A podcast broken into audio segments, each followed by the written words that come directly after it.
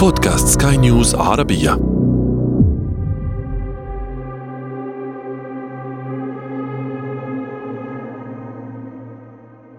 في يونيو من عام 1982 انتهت حرب استمرت لأكثر من شهرين بين بريطانيا والأرجنتين. حرب حول جزر ظلت ولا زالت تمثل خلافا بين البلدين لقرون طويلة. حرب تعرف باسم حرب الفوكلاند. هذا أنا عمرو جميل وأنتم تستمعون إلى بودكاست بداية الحكاية. بداية الحكاية. بداية الحكاية في عام 1592 وخلال فترات الاكتشافات للعالم الجديد وصل المكتشف البريطاني جون ديفيز لهذه الجزر. وتبعه بحار بريطاني آخر بعد ذلك التاريخ بمئة عام تقريبا. وهو من منح جزر فوكلاند هذا الاسم. وجزر فوكلاند تتكون من جزيرتين كبيرتين هما فوكلاند الشرقية وفوكلاند الغربية ومعهما أكثر من 700 جزيرة صغيرة. وتشكل في مجموعها مساحة تقدر بأكثر من 12 كيلومتر مربع. وهي في معظمها جزر بها الكثير من السلاسل الجبلية والطبيعة الوعرة. جغرافيا تبعد هذه الجزر عن بريطانيا بنحو 13 ألف كيلومتر في حين أنها لا تبعد عن الأرجنتين سوى بنحو 500 كيلومتر فقط. لكن معظم سكان جزر الفوكلاند من البيض المنحدرين من أصول بريطانية ويتحدثون الإنجليزية. بالتالي يعتبرون أنفسهم بريطانيين. وهذه نقطة محورية سنفهم أهميتها فيما بعد.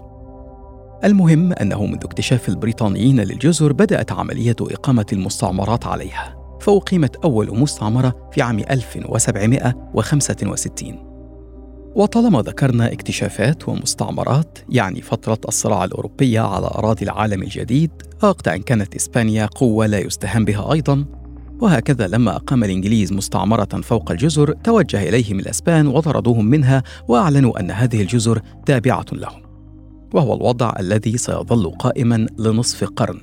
لما استقلت الأرجنتين عن إسبانيا في عام 1816 فخرجت إسبانيا بالتالي من جزر فوكلاند أيضا. وهنا أعلنت الأرجنتين سيادتها على الجزر باعتبارها الوريث الوحيد لإسبانيا في المنطقة. يصمت البريطانيون؟ طبعا لا. استغلوا خروج الإسبان ومشاكل الأرجنتينيين وعادوا للسيطرة على الجزر في عام 1833 وهكذا أصبحت الجزر موضع نزاع سيظل متأرجحا الأرجنتين تقول إن الجزر قريبة من سواحلها وهي الأحق بها. ولا منطق من أن تسيطر دولة موجودة في أوروبا على جزر في أمريكا الجنوبية. فيرد البريطانيون نحن أول من اكتشف هذه الجزر وأقمنا عليها أول مستعمرة ومعظم من بها ينحدرون من أصول بريطانية.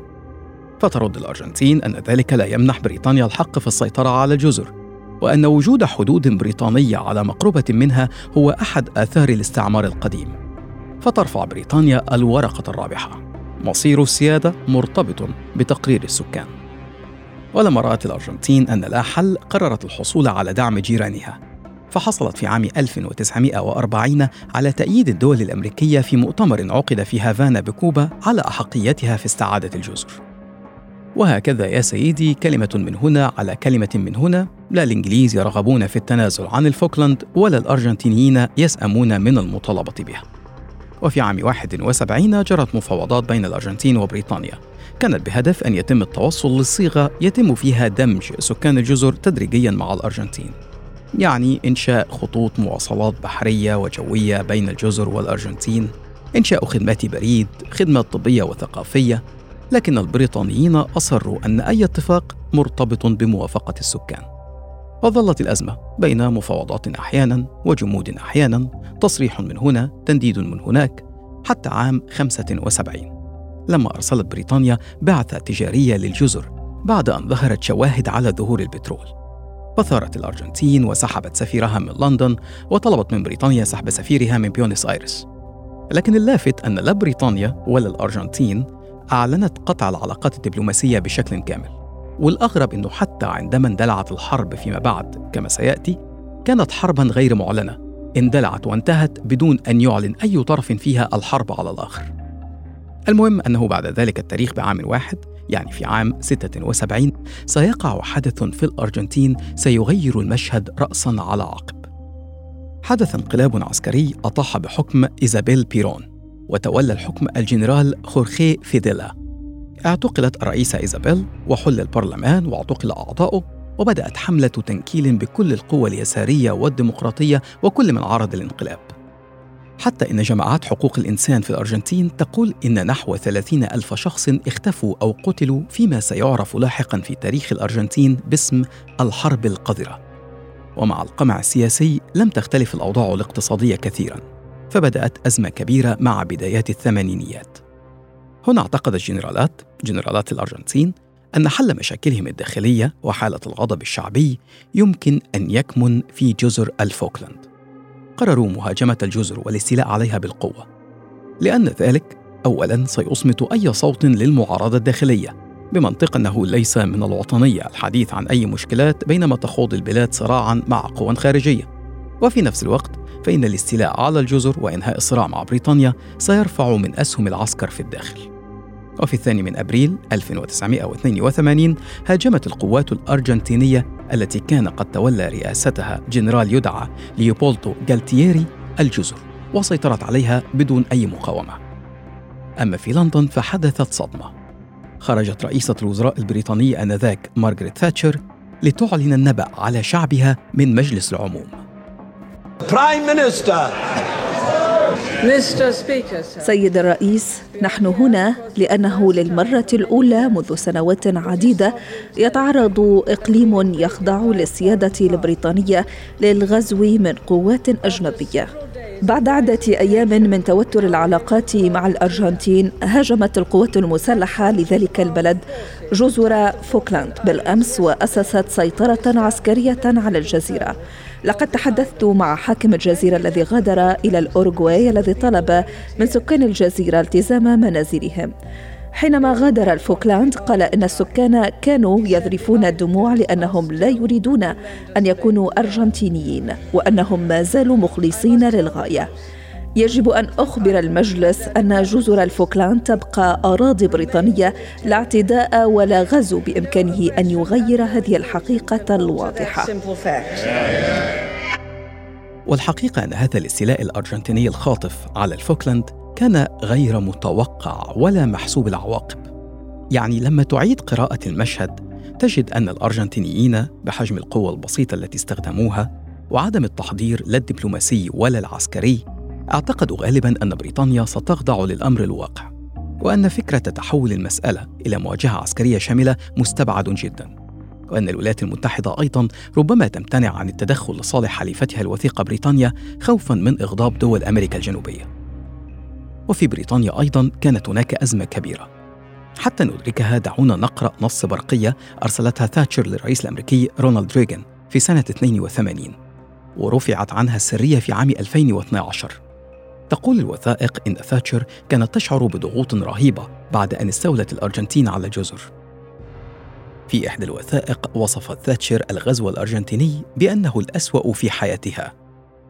وفي رسالة أخرى كتبت لريغان أكتب إليك لأنني أعتقد أنك الشخص الوحيد الذي سيفهم مغزى ما أحاول أن أقوله. ان مبادئ الديمقراطية والحرية والعدالة في خطر. وتظهر من الوثائق أيضا حجم المناورات التي قامت بها تاتشر لتضمن الدعم الأمريكي. فقالت في إحدى الوثائق إن الولايات المتحدة لا تدرك الاستياء الذي تسببه في الشرق الأوسط وإن الصداقة القائمة بين الولايات المتحدة وبريطانيا لها بالغ التأثير على مستقبل العالم الحر. ويبدو أن الأمريكيين أجروا حساباتهم سريعا. فجاء في وثيقة سرية أخرى رفعت عنها السرية إن الولايات المتحدة زودت بريطانيا بالمعلومات وأجهزة الاتصالات والمعدات العسكرية. وفي برقية منفصلة أن الولايات المتحدة لا ترغب بأي شكل في الإعلان عن حجم المساعدة التي تقدمها للبريطانيين لأنها قلقة بشدة على تأثير ذلك على علاقاتها بأمريكا الجنوبية. وفي وثيقة أخرى شعور عميق بالامتنان من جانب المسؤولين البريطانيين للمساعدات السرية التي قدمتها الولايات المتحدة.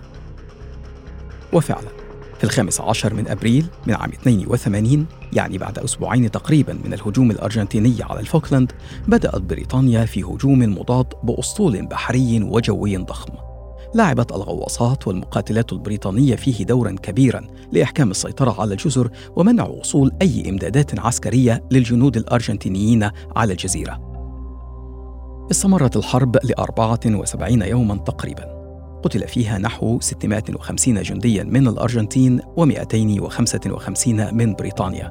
وانتهت باستسلام القوات الأرجنتينية واستعادت بريطانيا السيطرة على جزر الفوكلاند. وبالمناسبة بعدها بعام واحد سقط الحكم العسكري في الأرجنتين بعد أن خرجت احتجاجات ضخمة ضد هزيمة الجنرال جاليتيري وبالمناسبة أيضا أنه بعد حرب الفوكلاند بأربع سنوات تواجهت إنجلترا والأرجنتين لكن على أرضية الملعب هذه المرة في نهائي كأس العالم 86 الذي أحرز فيه مارادونا هدفا بيده وقال إنها يد الله. وفي عام 2013 أجري استفتاء على بقاء الجزر تحت الحكم البريطاني.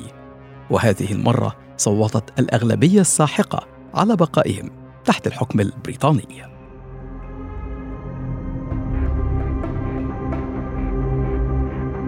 بداية الحكاية. بداية الحكاية.